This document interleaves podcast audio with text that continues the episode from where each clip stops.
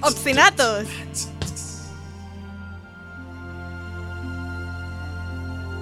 Isn't it rich?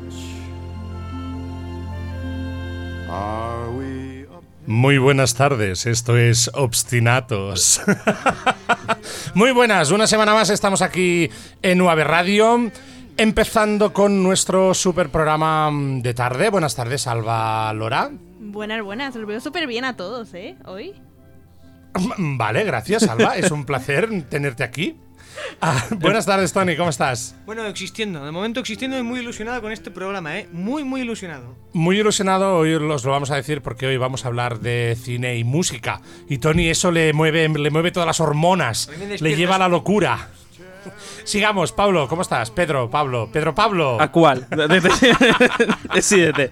Hola, ¿qué tal? ¿Cómo estás, Jordi? Buenas tardes, bien, bien, bien, hoy animadito. Muy bien. Y a que se me ha colado el nombre antes a medias, pues buenas tardes, Pablo. ¿Cómo estás, Pablo Bustamante? Muy bien, muchas gracias. Buenas tardes, Jordi. ¿Todo Para bien? Para todos los oyentes. Voy a saludar a, a Roger, a pesar de que hoy no tiene micrófono para saludarnos. Buenas tardes, Roger. Gracias. Y vamos a saludar también a un invitado muy especial que tenemos en el estudio, al señor Kim Puig. Muy buenas tardes. Hola, buena tarde. Ah, bueno, les hago solo una breve introducción. Al señor Kim Puig es profesor de la facultad y de historia del, del cine y es doctor en ciencias de la información. Luego creo que Pablo tiene, Pedro tiene algunas preguntillas. Vas a tener líos hoy. Sí, ¿no? hoy Te veo que- Pedro tiene algunas preguntillas para él y, y bien, vamos a, vamos a empezar por el señor Pablo Bustamante, a ver qué, qué caray nos cuenta hoy. ¿Qué nos quiere contar, Pablo? Pues mira, yo eh, os traigo, vamos a hacer un pequeño barrido sobre músicos que han hecho de músicos en el cine. Ah, interesante. Ajá. Así que para eso vamos a viajar un poco al pasado y vamos a ir al año de 1959 y vamos a ver una película, bueno, vamos a escuchar una película, una parte de una película que es Anatomía de un asesinato, dirigida por Otto Preminger y aquí tenemos una peculiaridad y es que aquí hay un músico que es el Gran Duke Ellington, que todos lo conocemos como uno de los grandes jazzistas en la historia. Efectivamente. Exacto, y aquí lo vemos ejerciendo como Duke Ellington, haciendo de Duke Ellington, pero además aparece tocando a cuatro manos el piano, nada más y nada menos que con James Stewart, con el, con el gran actor. Así que esto como primer dato es peculiar. Regalito de la tarde. Exacto. Luego vamos a viajar un poquito más, a- más adelante en el tiempo y vamos a The Blues Brother, que en Mm. España se llamó eh, Granujas a todo ritmo, del año de 1980. Debo decir que se llamó The Blues Brother, ¿no? Eh, no. No, bueno, claro, no hay, no hay Eh, españoles en esta sala con edad de haber visto Pues esa no, película, no. Aquí, a excepción bueno, del experto, obviamente. Pues esta, esta película es una gran peculiaridad porque además, bueno, es un gran homenaje al blues en el que ocurren además historias muy hilarantes, surrealistas y donde participan muchísimos, muchísimos músicos emblemáticos del soul y del blues. Por señalar algunos, aquí participa Aretha Franklin, Ray Charles, John Lee Hooker, pero hay una intervención que es maravillosa, que es James Brown haciendo de pastor. Y es uno de los que, digamos... Pastor de iglesia. Pastor de Eh, iglesias. ni- Claro, ni- yo, no- lo- yo no de me, pastor me lo alemán. veía paseando cabras. Ni, pas- ni paseando, exacto, pastor de iglesia. Y aquí se le ve además haciendo una revelación, revelándole a los hermanos eh, de, de- de la película, digamos, cuál va a ser el, el- el misterio a resolver, que es hacer una banda de blues. Luego, avancemos un poco más, pas- pasamos al año de 1998 y tenemos a Algo pasa con Mary, que es una gran película de humor dirigida por los hermanos Farley. Y aquí hay una peculiaridad. Aquí tenemos un músico que es eh, Jonathan Richman, que es eh, el líder de los Modern Lovers. Y aquí los hermanos Farley les, le, le- les- le regala, digamos, le regala a este músico el papel de ser el narrador y conductor a través de su música y su grupo. Entonces es como una idea de coro griego en el que se va narrando las vicisitudes de Ben Stiller tratando de ligar a, a- Cameron Díaz. Vaya. Una gran historia. Tengo que pero, hacer un revisionado de todas estas películas, no me acuerdo de nada. Pues- Dices nombres y no ¿Qué pongo vas a cara a hacer? nadie. Que- que Él se hace aquí el listo y que revisar como si las hubiese visto, como si tuviera ideas. Mira, mira, sabes perfectamente que llegaron antes a mi país que al tuyo. Bueno, Eh, eso- bueno. eso es- no lo sé yo, ¿eh? en. Eso lo puedo poner No, en no, duda. Estoy casi seguro de que no. Lo que pasa es que sí que es verdad que por edad Ya, es probable que las viera antes que tú. eso sí. Pues listo. Pues Sigamos, sí, sigamos, sigamos. El- eh, tenemos aquí otra película, vamos un poco más adelante, al año 2004. Tenemos al gran Wes Anderson, que además es un gran esteta y le gusta mucho cuidar la imagen, ¿Un gran el es qué? sonido. Esteta. Ah. O sea, no que le gusten las tetas. Pedro, sácatelo de la cabeza. ya, perdón, perdón. Mm, Estamos aquí en radio Lo siento, universitaria. me estaba y- riendo y no podía intervenir en esa broma tan divertida, por Sí, Dios. sí, lo siento. Bien, y aquí eh, tenemos La vida acuática con Steve Zissou del 2004 y aquí hay una intervención magnífica de Seu Jorge, que es un músico, un cantautor brasilero, y en toda la película, durante toda la película, va teniendo pequeñas intervenciones Seu Jorge cantando además versiones de David Bowie a guitarra y a portugués, y en portugués. Por lo tanto, esa película es una joya musical porque encontramos que hay muchísima muchísima riqueza y sobre todo esto, ¿no? Escuchar en portugués temas de David Bowie. Que has escuchado toda la vida Que has- en una- sí, de una manera muy particular y que, claro, sacarla de- del ahí- contexto. y- exacto, y sobresale esta versión de, de, de Starman. ¿La escuchamos que un es- poquito? Que es- se puede escuchar, sí, sí se puede, sería magnífico. gelo Quero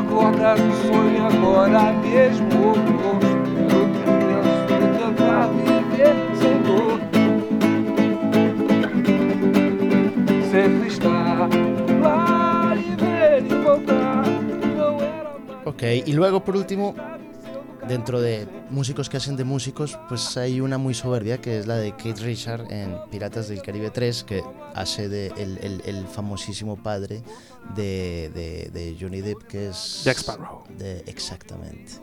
Gracias. Jack Sparrow, de, sí, sí, sí. de su nombre. Y, es, y, y aquí digamos que, bueno, es, es un- una... Actúa de viejo pirata, que podría ser perfectamente Kate Richard. ¿no? Tal cual. O sea, Sí, sí. pirata viejo y experimentado. Y podría ser Keith Richards incluso en la época de, Sí, de Pirata de Caribe. O sea, exactamente, este tipo, como no se muere nunca. sus épocas de pirata. Sí, sí. Exacto. Y luego en el ámbito español, pues digamos que hay dos grandes directores que han, han, han manejado y han jugado con la música de una manera muy peculiar. El primero es, bueno, ha habido muchos en el pasado, pero vamos a ir uh, al 2002 y vamos a fijarnos en Hable con ella, de Pedro Almodóvar, en el que hay una intervención sublime de Caetano Veloso cantando a guitarra, cello y voz, Cucurrucucú Paloma. Eh, Ya sabemos que Almodóvar nos regala como pequeños eh, apartes musicales en todas sus películas.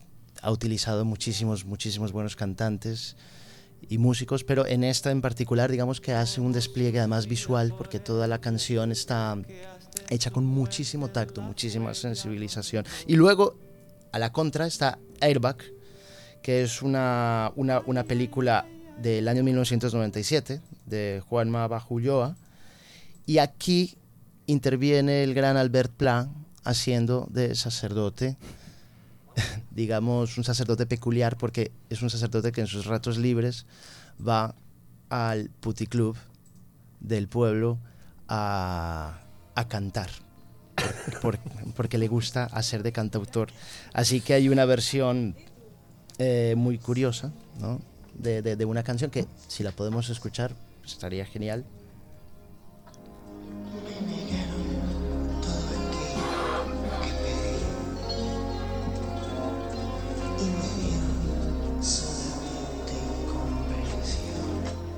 Y luego, como bonus track y a manera de cerrar mi, mi- mi pequeña intervención, he de decir que también hay grandes personalidades en la música que han sido trascendentes en el cine. O sea, es decir, se han comido el, el hecho de ser actores y han trascendido. Y yo voy a mencionar solamente dos nombres y son David Bowie, que ha sido un gran actor y lo ha hecho muy bien y se ha comido con patatas a muchísimos actores que se llaman profesionales. Y luego está Tom Waits, que Tom Waits es una figura un poco sórdida dentro de la historia de la, del- del- de la música, de la música indie norteamericana y ha trascendido fronteras evidentemente y que como actor también ha hecho unas intervenciones que han sido magistrales. Y para recuperar una solamente diré la de la que hace de mensajero en el Drácula de, de, de Bram Stoker dirigida por Francis Ford Coppola. correcto. Y ya Nadie está. más y nadie menos. Muy bien, increíble. Datos curiosos. Datos, datos, datos, datos, datos, datos. datos. Amazing. Pero para dar datos, para dar datos, y de hecho ya te ha echado un cable ahora mismo, pues al señor Kim Puch. Buenas tardes, Kim. Hola, buenas tardes. ¿Qué tal? No voy a no voy a, a- a remenar mucho por, por- con datos y tal, porque creo que aquí el que controla de datos eres tú. Pero, pero bueno, obviamente ya os decíamos antes, a profesor de la facultad, a doctor en ciencias de la información, y hoy ha llegado aquí un poco, no sé si engañado o atraído por algún incentivo irreal o vete a saber qué. Pero el hecho es que tenemos la gran suerte de contar con él en el estudio y no sé si tan la gran suerte de que Pedro Pablo se ha presentado, No mucha, se ha eh, pero preparado in- algunas preguntillas, veremos qué tanto puede, puede exprimir al invitado que tiene hoy aquí. Haré lo posible, bueno.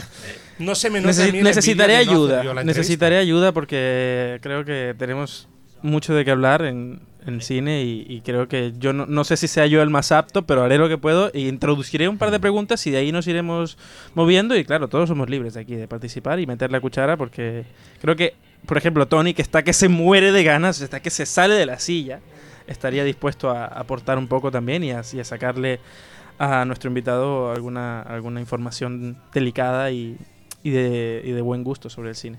Vamos a ver. Yo, yo había empezado, había pensado eh, dirigir la entrevista un poco por la parte del, del, del cine independiente aquí. Sobre todo la, la, Me parece bien. la- la- como el contraste con el, con el cine comercial. Por ejemplo, Perfecto. ¿qué, ¿crees que haya diferencias trascendentales entre la música utilizada en el cine independiente y la música del cine comercial? Ah, no sé si la palabra es trascendentales, pero sí se me ocurren eh, dos características que a mí me han llamado la atención. Una tiene que ver con una cierta reticencia a usar eh, música en las películas. Eh, digo una cierta reticencia porque no hay que generalizar. Hay evidentemente directores indies que utilizan música, pero hay algunos que no. Y en esta cierta reticencia se me ocurre una primera explicación, que tiene que ver con una cierta concepción del realismo. Hay pasa en la Nouvelle Vague, pasa en Dogma, esta idea de que eh, la música solo puede sonar si, por ejemplo, un personaje enciende la radio o pone un disco. De manera diegética. Exactamente. Vale. Entonces, como lo que cuenta es la realidad, ¿vale? Y hacer la película lo más real posible, no interesa que haya música. ¿Por qué? Porque es un añadido. Ah, otra posibilidad, que los personajes vayan a un bar y que haya un concierto. Entonces se hace, ¿vale? Esa es la primera opción que ocurre. Por contra, ya hay directores que utilizan música y no tienen ningún problema. En unos casos puede ser música pop, en otros casos puede ser vanguardia experimental, en otros casos incluso puede ser directamente blues o géneros más, más roots, más, Sí, más más eh, aquello. rudimentarios rudimentarios. ¿no? Eh, y bueno, las dos tendencias coexisten. De principio. Entonces, yo creo que más bien la cuestión sería de quién hace qué y por qué lo hace. Es decir, según quién sea el director o directora que enfoque un tema, tirará por un camino, tirará y otro, por otro. Y una cosa que quise añadir, mm, aunque no es estrictamente indie, pero sí es de un movimiento que he citado antes, que es el de Dogma. Si os acordáis, eh, Lars von Trier eh, se sacan de la manga lo de el contrato de castidad. Si quieres hacer una peli Dogma, tiene que ser con todos estos principios, y entre ellos está el tema de la música. Esto estaría muy bien si no fuera porque a continuación de haber hecho la primera película Dogma, que eran Los Idiotas, el tío se descuelga haciendo Bailar en la Oscuridad, que es un musical. Y donde es, es lo más antidogma posible. Entonces, vale, mira.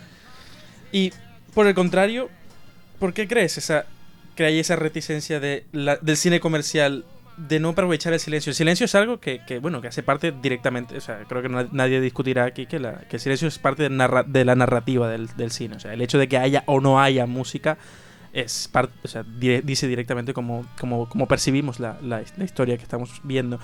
¿Por qué en el cine comercial pasa lo contrario? ¿Por qué es- hay esa necesidad de, de- de- de- Igual escuchas, un- bueno, ves una película de Marvel y hay música el 100% del... del...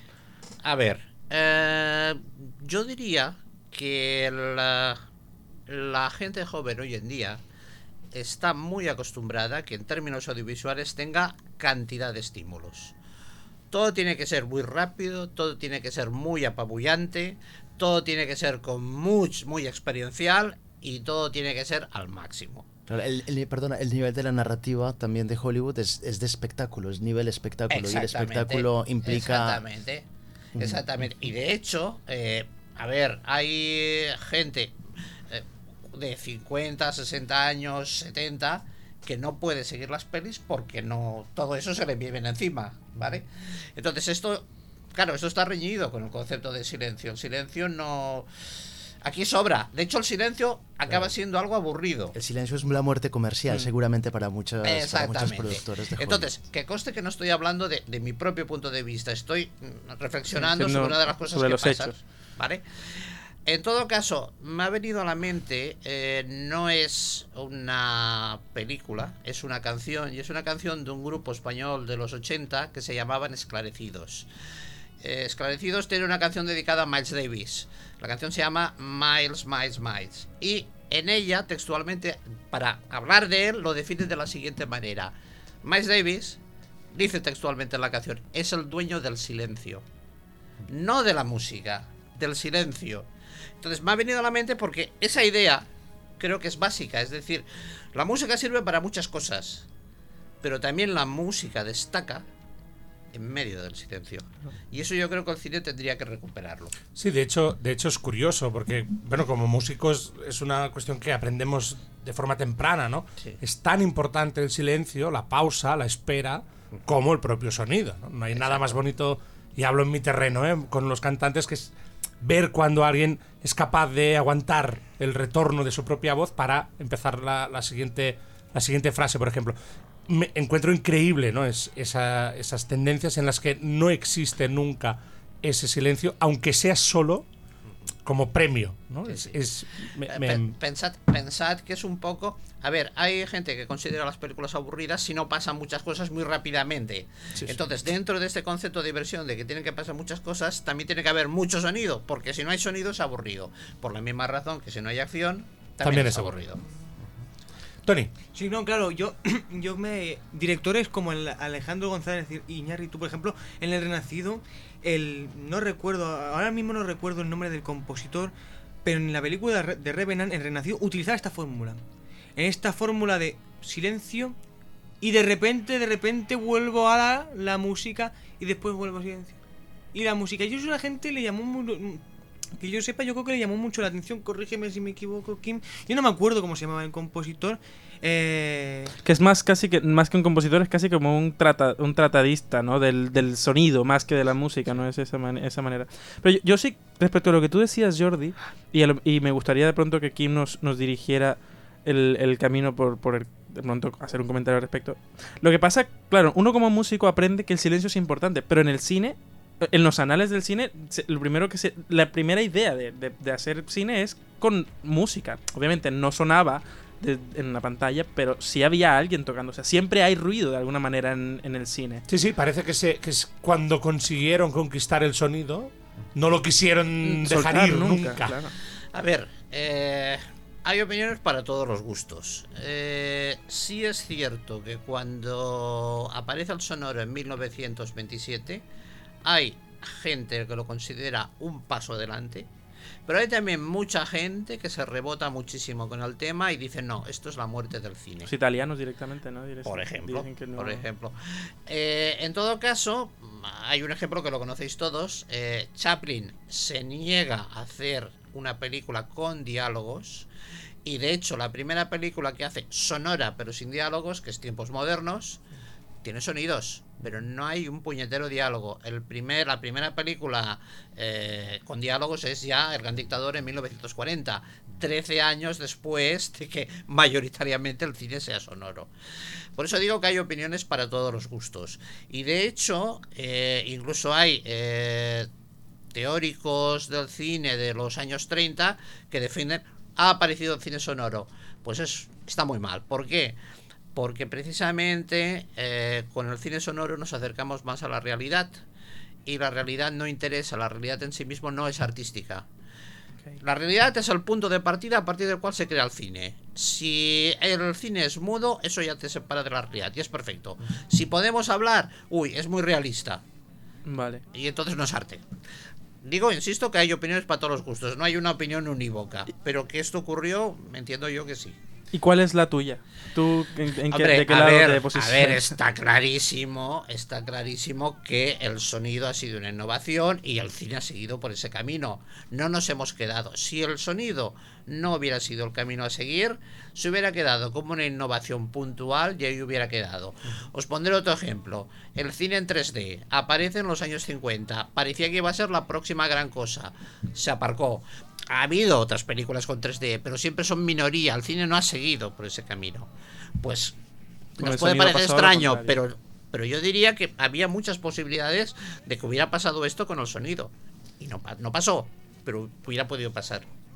Y a- hablando del tema del, del- del sonido, cómo ha ido evolucionando, hay directores que han sido capaces de hacer gran poesía, es decir, encontrar eh, de un lenguaje a través del sonido. Ahora se me viene a la cabeza eh, Aronofsky en El Cisne Negro. Correcto. Sí, sí, tienes ¿no? toda la que, razón. que allí hace un trabajo de, de cómo meter el sonido inclusive dentro de la misma música de Tchaikovsky. ¿sabes? Y cómo mete el sonido por- del- del- del- de los pasos en la madera, de eh, eh, apretándose la, la- la- la zapatilla de bailarina. O sea, a- a- incluye también un lenguaje muy poético en, el, en, el, en, el- en el- en la música, ¿no? en el sonido. Ya se va al, al- al hiperrealismo, ¿no? Porque claramente tú no escuchas Exacto, y es- eh, fácilmente atarse las agujetas a nadie. Pero claro, el hecho es... Y cómo se monta el sonido de- del, del- del golpe, del taconeo, del, del- de cómo lo- lo- los pies van, de la respiración, de la, agita- de la agitación, del cansancio, de la, del, del- de la presión, ¿no? Ahí el, el sonido acompaña perfectamente. Igual ocurre en Requiem para un sueño, ¿no? También sin, sin llegar a la perfección de Aronofsky, quien también ha jugado un poco con esto recientemente ha sido Christopher Nolan en Dunkerque. Mm. Dunkerque no puede entenderse sin el sonido. Claramente. ¿vale? No llega a la perfección de Aronofsky, en eso estoy de acuerdo, pero me parece que también es una película que hay que considerar desde esta perspectiva. Recientemente el Faro, ¿no? También. La, esta, esta- Sí. bueno, que lo mismo no se me va. Y 1917. Bueno, también. 1917, También. que, que de hecho Bueno, ganó el Oscar. A ver, yo de hecho soy, soy muy reticente con 1917, pero esto ya es una opinión personal. Me parecen perfectos los Oscars técnicos que ha recibido. Roger Dickens es un maravilloso director de fotografía, pero la peli no tiene chicha. Es simplemente me te metes dentro y que te comienzan a pasar cosas, ¿vale?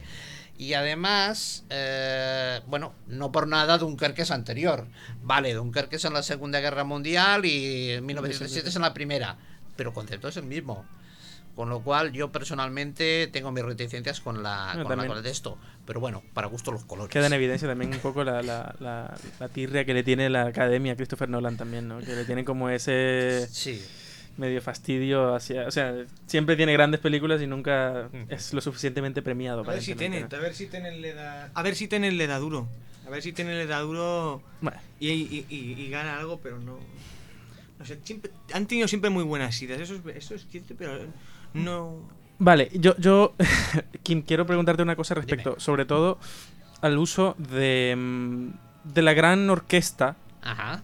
em, el uso de- ¿cómo, cómo crees que así? Claro, eh, evidentemente, toda esta, todos estos movimientos románticos y estos grandes Korngold y, eh, bueno, todos estos grandes eh, sinfonistas que, que marcaron en la forma de hacer, de hacer cine. Hoy en día, bueno, hoy en día la, la herencia de esto es de John Williams y de Hans Zimmer, ahí, ahí, en cuanto al uso de la orquesta para, para, para hacer cine. Pero, ¿cómo, cómo crees que, que influye esta, esta gran, gran banda sonora, gran, esta gran orquesta, el uso de la orquesta? ¿Cómo, ¿Hacia dónde crees que va el uso de la orquesta en el cine? A ver, yo creo que hay, hay varias cosas. Eh, el periodo de que tú dices, eh, mm, digamos así, ha quedado ah, marcado en el tiempo. Hoy es imposible que aparezca, pongamos por caso, un micro rosta. ¿Por qué? Porque ya no se compone así, ¿vale? Mm, entonces, a mí, por ejemplo, y aquí ya entramos dentro de los gustos personales, me gustan mucho eh, los, algunos trabajos que ha hecho, no todos, pero algunos trabajos que ha hecho Patrick Doyle con Kenneth Branagh. Concretamente me viene a la cabeza eh, Enrique V y me viene a la cabeza mucho ruido y pocas nueces, ¿vale? Y ahora estoy dudando, pero yo diría que también es Hamlet, el Hamlet de Kenneth Branagh, yo diría que también él hace la, la de esto. Esa es una Y posibilidad. el Oriente Express, Asesinato en el Oriente Y- Express también la También hace. es suya, tienes razón, tienes toda la razón. Entonces, en ese sentido, esa puede ser una línea. Hay una línea más masiva que también la has citado tú, que es Williams. Williams ya es mayor. Esto. Casi el, monopol- Eh, el monopolio, ¿no? eh, exacto. En esa misma línea ah, está Hans Zimmer, aunque él combina clásica con electrónica, después de todo él comienza tocando sintes. Y a mí personalmente, a nivel ya de gustos personales, me gusta mucho James Horner. Y James Horner me gusta especialmente... eh, bueno, de hecho es la película con la que yo lo descubrí. En mi, a principios de los 80 él, eh, él hace la banda sonora de una película eh, medio policíaca, medio de espías, que es Gorky Park. Y recuerdo el impacto que me produjo eh, los golpes de efecto que tenía en la peli, ¿vale? La, la- la música, ¿vale? Y luego, por ejemplo, mm, también sería interesante que pensamos, eh, que pensemos en lo que se puede hacer con piezas clásicas no concebidas para el cine, pero que son utilizadas en el cine de gran orquesta. Por ejemplo, no tengo ningún reparo en reconocer que eh, yo a Shostakovich lo descubrí gracias a Kubrick, a la última película de Kubrick.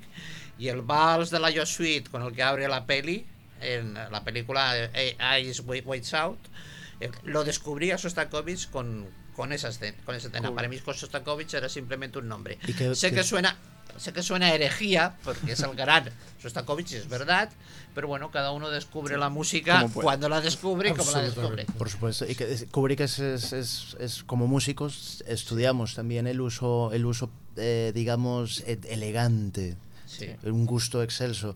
Utiliza también en El Resplandor mm, eh, el, el Requiem de, de Penderecki, Ajá. eh, de Senaki, que prácticamente son compositores que él conocía y que compusieron además exclusivamente, eh, o sea, pudieron, o sea, son, son compositores que ya eran relevantes dentro del mundo académico, clásico, contemporáneo, y Así- que Kubrick también los utiliza. Por lo tanto, ahí hay una mixtura también de, de- de altas artes en, Cierto. eh, en Kubrick- servicio de la música. Kubrick mismo también usa el Así habló Zaratustra. En, en- en 2001. 2001, 2001, Odisea en el exacto, espacio, sí, también utiliza el Requiem de Mozart en, en Ojos Bien Cerrados. Sí, es- él, él siempre tiene, tiene una, un repertorio musical. Esa Be- recuperación. Beethoven, sin ir más lejos, Beethoven. Sin ir más lejos, Beethoven, en la naranja mecánica. Sí, en o sea, efecto, sí. ya, ya es Exactamente, es, es Brutal, además. Sí, muy, sí. Ya. muy brutal. Ya, ya, ya.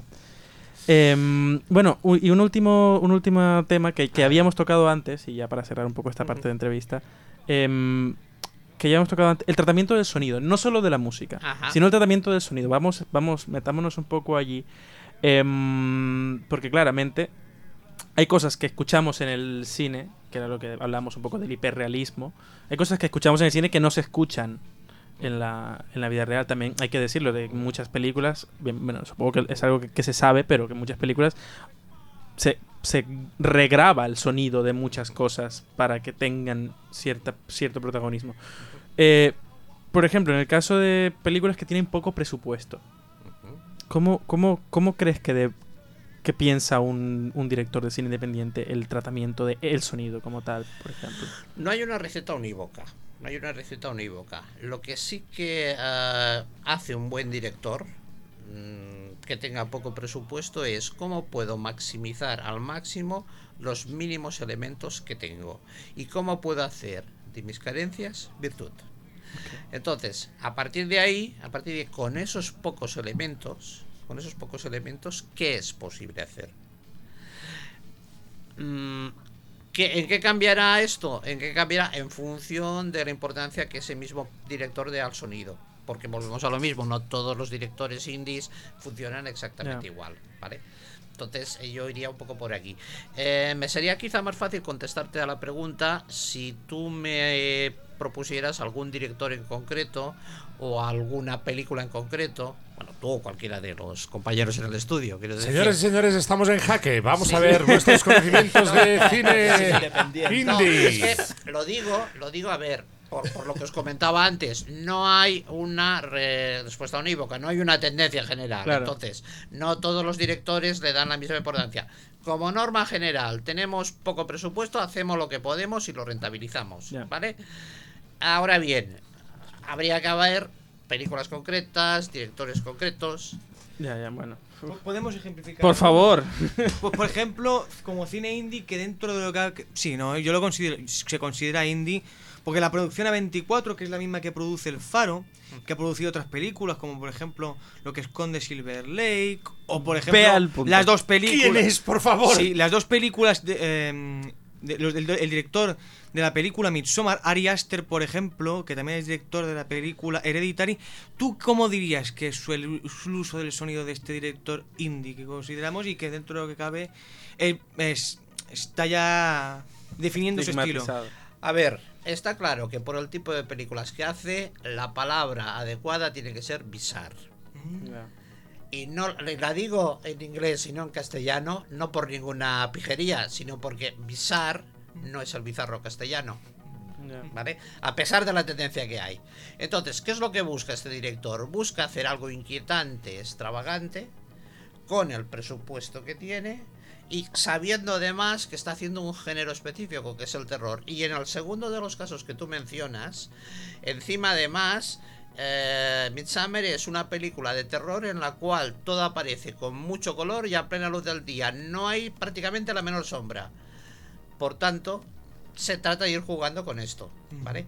Si fuera música, si fuera música, imaginad que, que es un grupo punk del 77 que tiene que grabar un single, que tiene un presupuesto de 200 libras como mucho y que tiene que enganchar el estudio y a ver qué pasa. Los Dead Kennedys, los Sex Pistols. Pues Vale, eso. Más o menos el equivalente, mira. Vale. Grandes resultados, poco presupuesto. Vamos allá, vamos allá. Ah, señores, muchísimas gracias a Kim por estar aquí, por darnos tu Muchas tiempo gracias a vosotros. y tu conocimiento, por supuesto. Y nada, seguimos adelante a ver con qué cosillas nos sorprende Alba, que creo que ha estado trabajando mucho esta semana.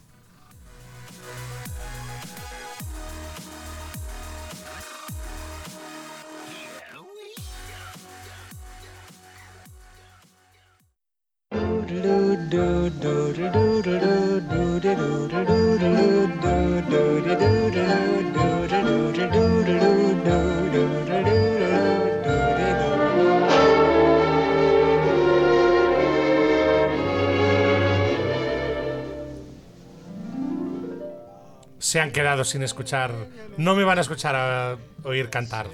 Por, gracias a ahora sí, la escuchamos de fondo. Y seguimos aquí en Obstinatos en UAB Radio en el 100.3 de la FM. Y vamos a hablar con Alba. Buenas tardes, Alba. Hola. Que esta semana la tía pues teníamos un, un sobrante de presupuesto y la hemos mandado a San Sebastián Sí. a ver. De hecho, estuve hace poco. Sí, sí, de, de eso estaba hablando, de Ah, cómo te has petado claro. la pasta del programa en irte a un hotel de cinco estrellas Claro. a comer pinchos. Pinchos Por y. cierto, te han sentado la mar de bien, ¿eh? Ah, bueno. Te ves queridos demás, pero Gracias, gracias. Te ves guapísima. no seamos sexistas, ¿eh, Pedro? ¿Por qué? Te ves guapísimo. Alba, ay, gracias. Tú también. Vale.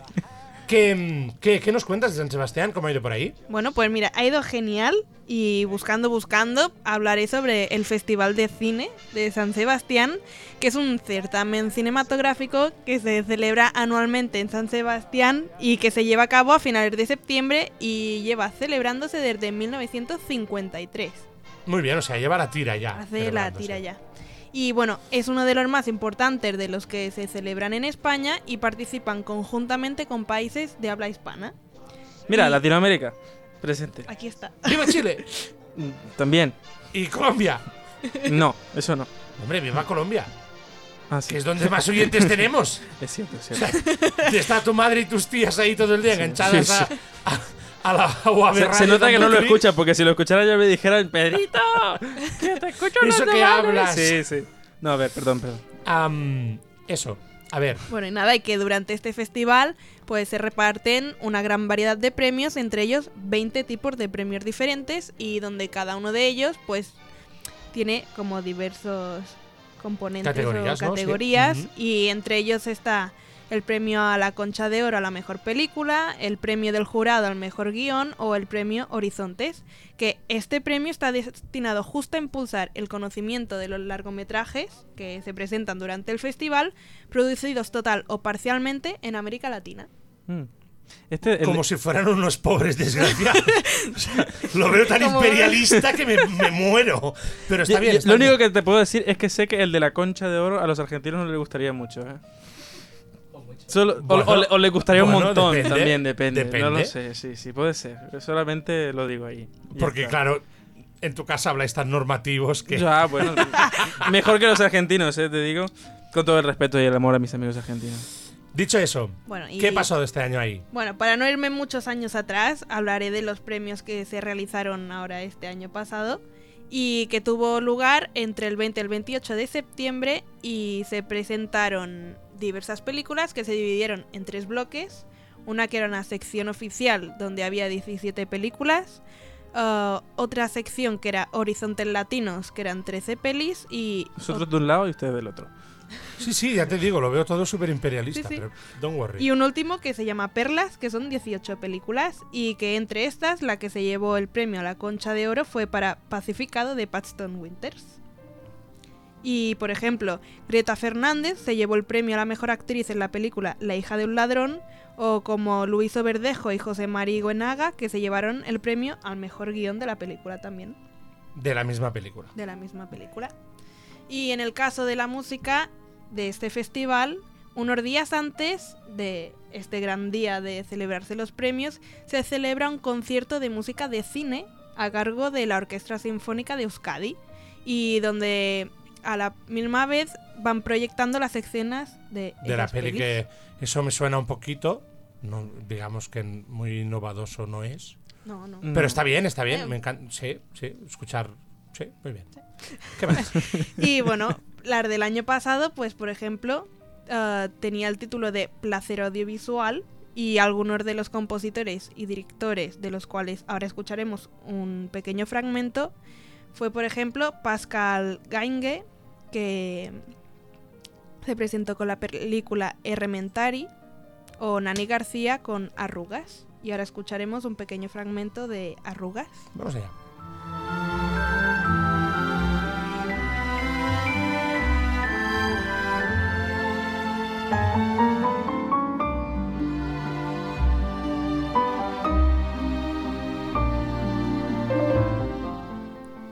Y pues ahora hemos escuchado Y ya lo Y- hemos escuchado. Y Muy adiós. bien. Muchas Y gracias. Hasta Y luego. por eso te hemos, te hemos dado, o sea, nos hemos gastado 50 talegos del presupuesto para que te vayas a Bueno, Sebastián a buscar dije- cosas que podrías haber encontrado en YouTube. Yo os En- dije que iba allí y luego ya. Vale, vale, está bien. ¿Alguien Nos más toca ser más rigurosos. eh, Hay que, eh, hay que, hay contratar un, ¿Cómo que se llama? Un psicólogo de estos que hace. Un ¿Cómo se llama? Para contratar a la gente. El- Mm, un psicólogo para contratar a gente. Claro. Una persona de recursos humanos. Esa, esa. Muy bien. Un psicólogo, ojo, eh. Un un psicólogo, psicólogo, para recursos humanos. Claro. Preciosa definición. Bueno, está bien, está bien. Sí, Sí, sí. sí, sí, me bueno, encanta. y podemos también escuchar un pequeño fragmento de, de la de Pascal Gainge, que es Errementari.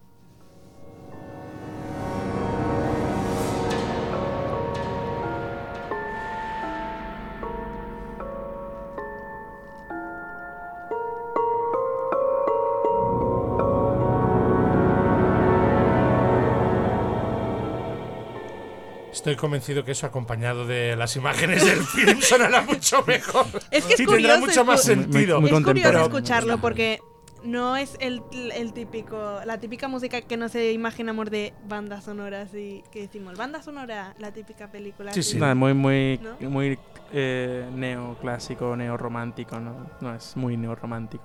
No es no, muy. no, No, no es. tampoco no es muchas otras cosas. En efecto. Dicho Inci- eso- incidental, ¿no? Vamos a ponerlo así. Dicho eso, bueno, aparte de gastarte nuestro dinero a ir a San Sebastián, creo que también nos vas a hablar un poquito de los Goya. O sea, que se fue a Madrid, además. No, no, eso Ah, no. no. Ahí, ahí ya le vimos, ya le vimos el plumero Claro, y dijimos, no, hija, Jordi ya me pegó el miras". toque y dijo... Si me permitís, antes de, de pasar a los Goya, Ah, claro, estaba claro. acordando de que en 1977 en San Sebastián sacaron a concurso, tatachán, la Guerra de las Galaxias. Concursaba y no se comió un torrao. Madre mía. ¿En serio? En serio. Uy. Bueno, O sea, en la primera. bien. Bueno, en sí, la, la primera. No, pero es que esto, esto es real. El o sea, episodio 4. Entonces, en, en América triunfó más eh, la Guerra de Galaxias, pero aquí la que fue la película más taquillera de aquel año no fue la Guerra de Galaxias, fueron los Vingueros. Fueron los Vingueros. Bueno, es que- Los Vingueros. También hay que vida. decir que en 1977 la Guerra de las Galaxias no es la Guerra de las Galaxias tal y Claro, como la vemos claro. hoy en día. Sí, claro. O sea que eso también vaya, vaya en su descargo. Pero lo cierto es que est- estaba a concurso. Madre mía. Y los vasquitos no les gustó, no les gustó el, el rollo de las galaxias. Eh, No, bueno, no, es que. Yo era más de, de- de- Mar- de hablar de- en vasco. Claro, de pincho, ahí va la hostia. A mí me, me pones esta. La estrella de la muerte esta, ahí va la hostia, la tiro yo con Ah, un la palo, reviento hombre. yo con un. con un- Que le tiro yo en el frontón a la estrella de la muerte. Vaya Está bien. Dios. Bueno, a ver, ¿qué te fue? Bueno, que, que digo, que los Goya no fueron en Madrid y todas esas cosas, fueron en, En Málaga, ¿no? en Málaga. Sí. Que te fuiste más lejos todavía, a ver. No, pero eso sí que lo hice o internauticamente, ¿no? O por lo menos no has pasado las facturas. No. Bueno, ya las pasaré. Si acaso. Bueno, a ver si Rosy te las compra. Ah, o no vale, las vale. compra. Ya A ver. veremos. ¿Y qué, y qué pasó en Málaga este año? bueno, ¿O qué pues. ha pasado últimamente? ¿Qué ha pasado? Ya pone acento. Sí, ya ha pasado? Ya ha ¿Qué ha pasado. ¿Viste a Marisol? ¿Viste a Marisol, querida? Bueno, para terminar así de una forma un poco más musical, también os pondré las dos bandas sonoras ganadoras de los últimos dos años de estos premios Goya. Y el primero fue el caso del 2018, que fue la ganadora de la película El Reino de Olivier Arson.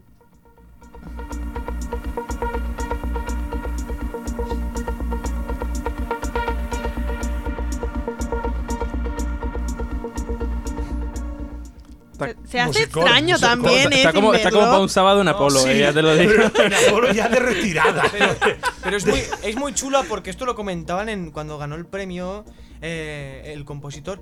Eh, ya lo comentaban en estilo tecno, pero es que venía a- como dedo al. Anillo como- al dedo. Como anillo al dedo para la película del reino, que es todo el rato una- un mundo más moderno, un mundo lleno de corrupción, un mundo. un- un- un- un- les venía muy bien porque es un mundo de lujos extremos. Y yo creo que ahí sí que hizo una, una muy buena. No sé qué opinas tú, Kim. De acuerdo.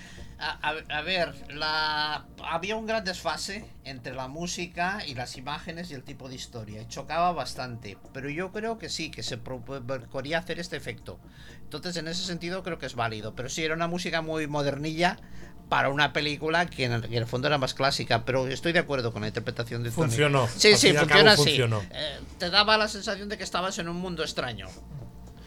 Bueno, sí, de hecho ya la musiquilla sola ya te da un poco la sensación Sí, de sí. estar en un mundo extraño. Sí, sí. ¿Qué más? Bueno, y como último, pues el caso del año pasado, que fue la 34 edición de estos premios Goya, y que fue la peli ganadora de Dolor y Gloria, donde su banda sonora también fue ganadora, y es la película de Alberto Iglesias.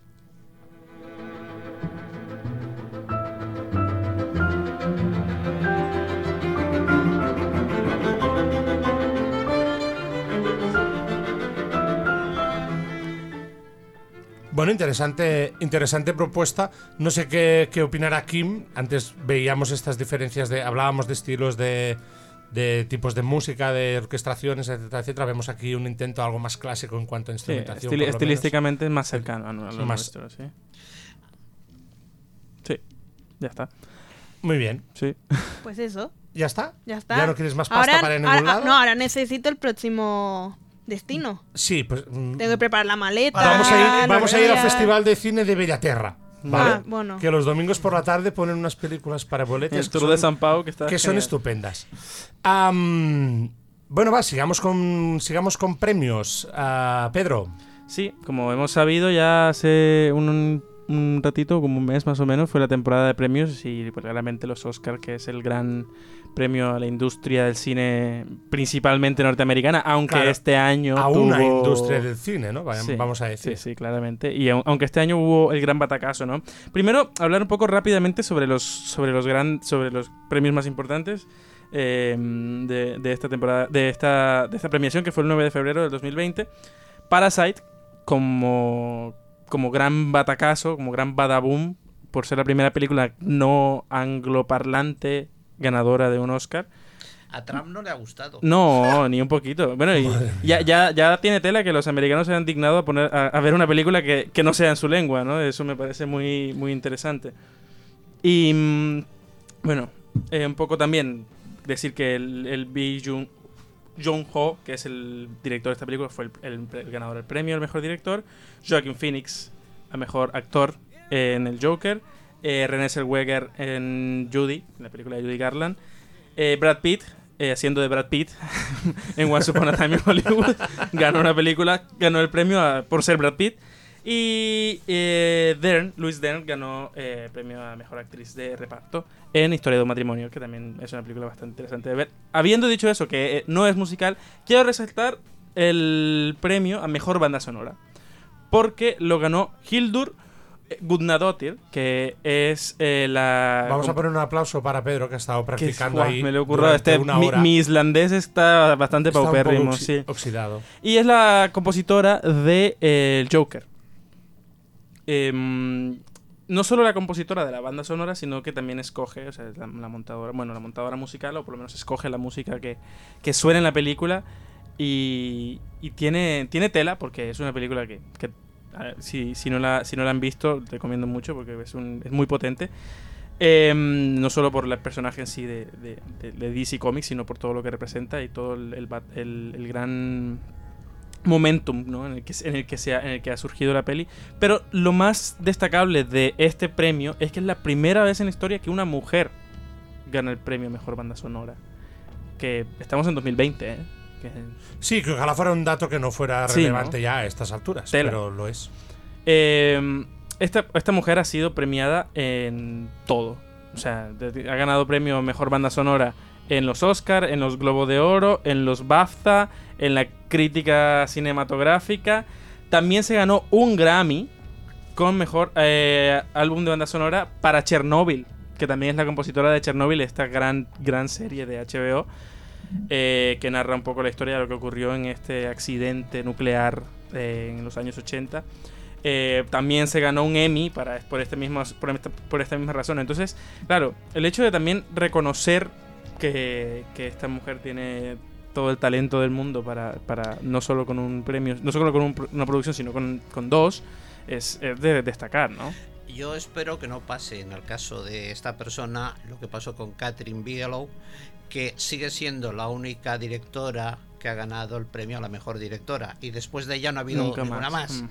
Es decir, la- me- gana una vez y ya no ha vuelto a ver directoras. Claro, eso nos va a quedar ahí también. ¿Crees que, crees que, que tendremos la posibilidad de.? Hombre, a ver, yo creo que lo deseable, yo creo que lo deseable sería que se normalizara en todas las categorías esto. También hay otra cosa, pensad de que si, por ejemplo, viendo el tema de las directoras, si estuviera tan normalizado eh, el tema de una mujer dirigiendo como con los hombres, no solo hablaríamos de buenas directoras, también hablaríamos de las malas directoras, Claro. por la misma sí, sí, sí, razón que hablamos de los malos directores. Entonces, hasta que no lleguemos a esta situación, hasta que, por decir a alguien, no encontremos un equivalente a Mariano Zores.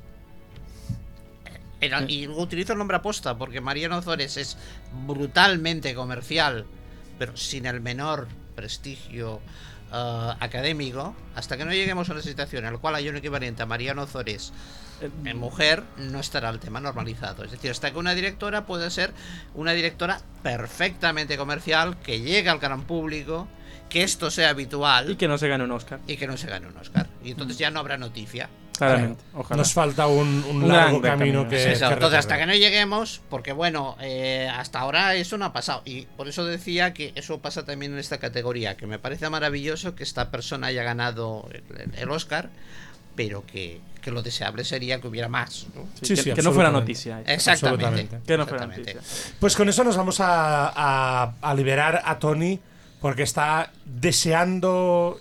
Liberan a Willy, no, liberan a Tony. Exacto, liberado a Tony. Claro, porque. Tony, una- todo tuyo, que hoy nos vas a hablar de cosas muy interesantes. Vamos a ver.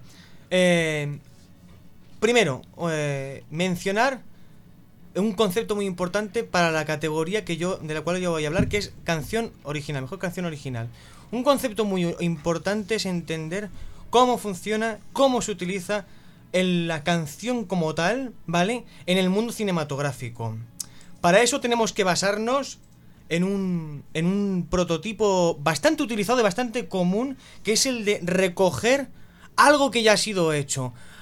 Por, e- pongamos un ejemplo ya directamente ilustrativo. Vamos a ver, empecemos con el primer ejemplo.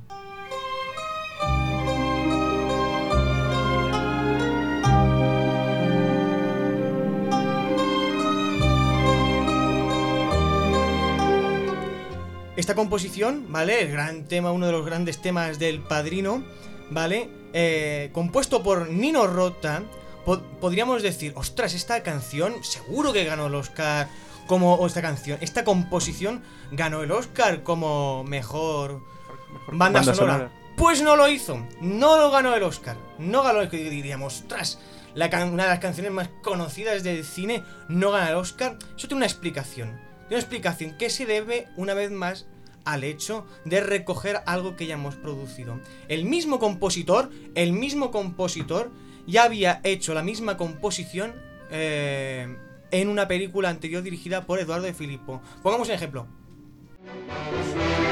¿Ves? ¿Lo?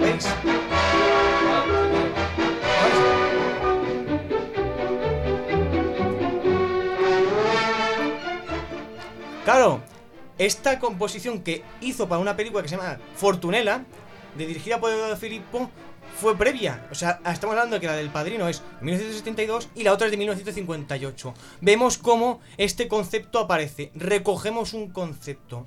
Entonces, Y en tú, este dices, con- y tú dices que le castigaron el hecho de... en cierta manera le castigaron, dijeron, eh, aquí te hemos pillado, tú ya has hecho esta composición, no es tan original como pensábamos. Disculpad a mi absoluto desconocimiento, pero es un requisito, es un prerequisito de, para optar a premio que sea. Banda sonora original. Sí, yo diría que sí.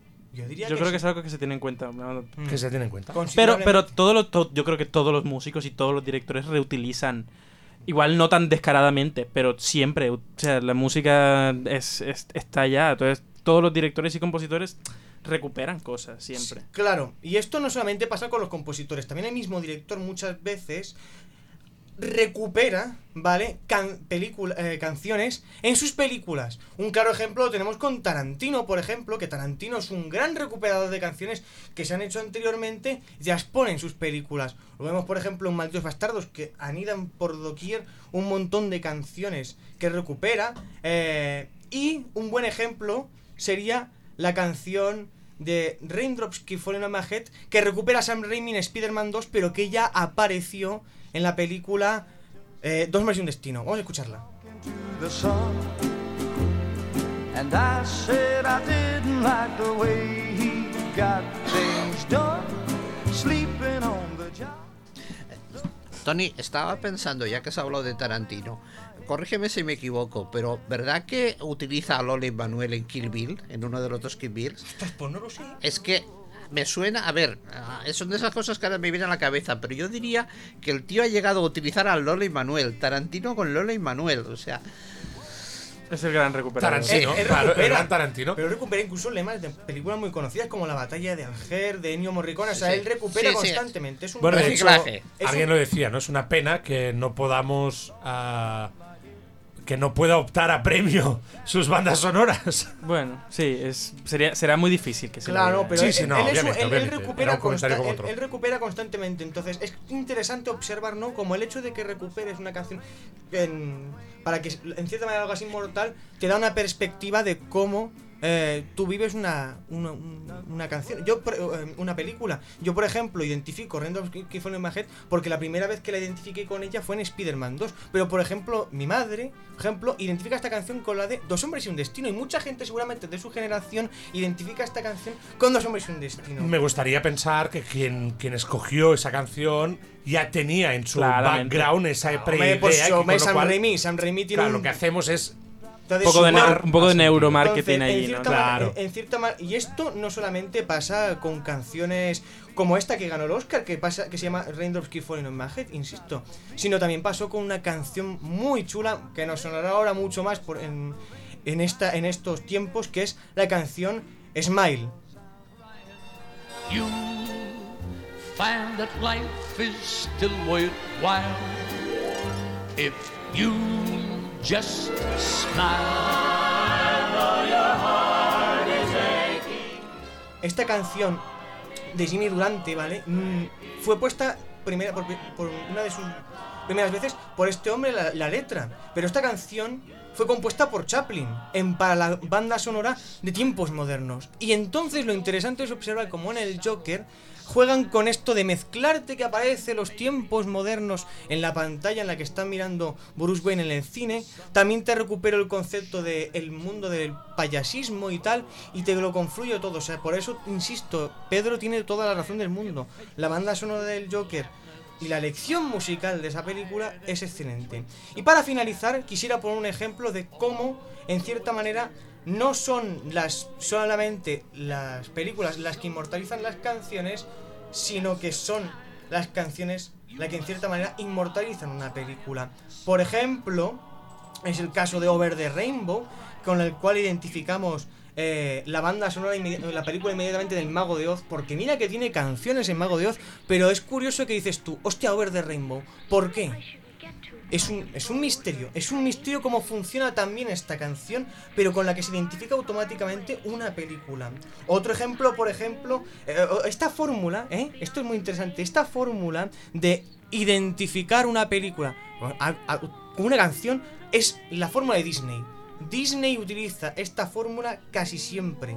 Lo ha utilizado en las en, en toda en multitud de películas que, que ha hecho. Muchas de sus canciones son un, un identificatorio automático de la película. Lo vemos, por ejemplo, con Re- Recuérdame de Coco.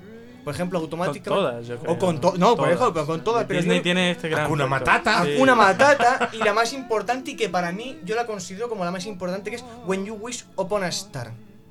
as dreamers do.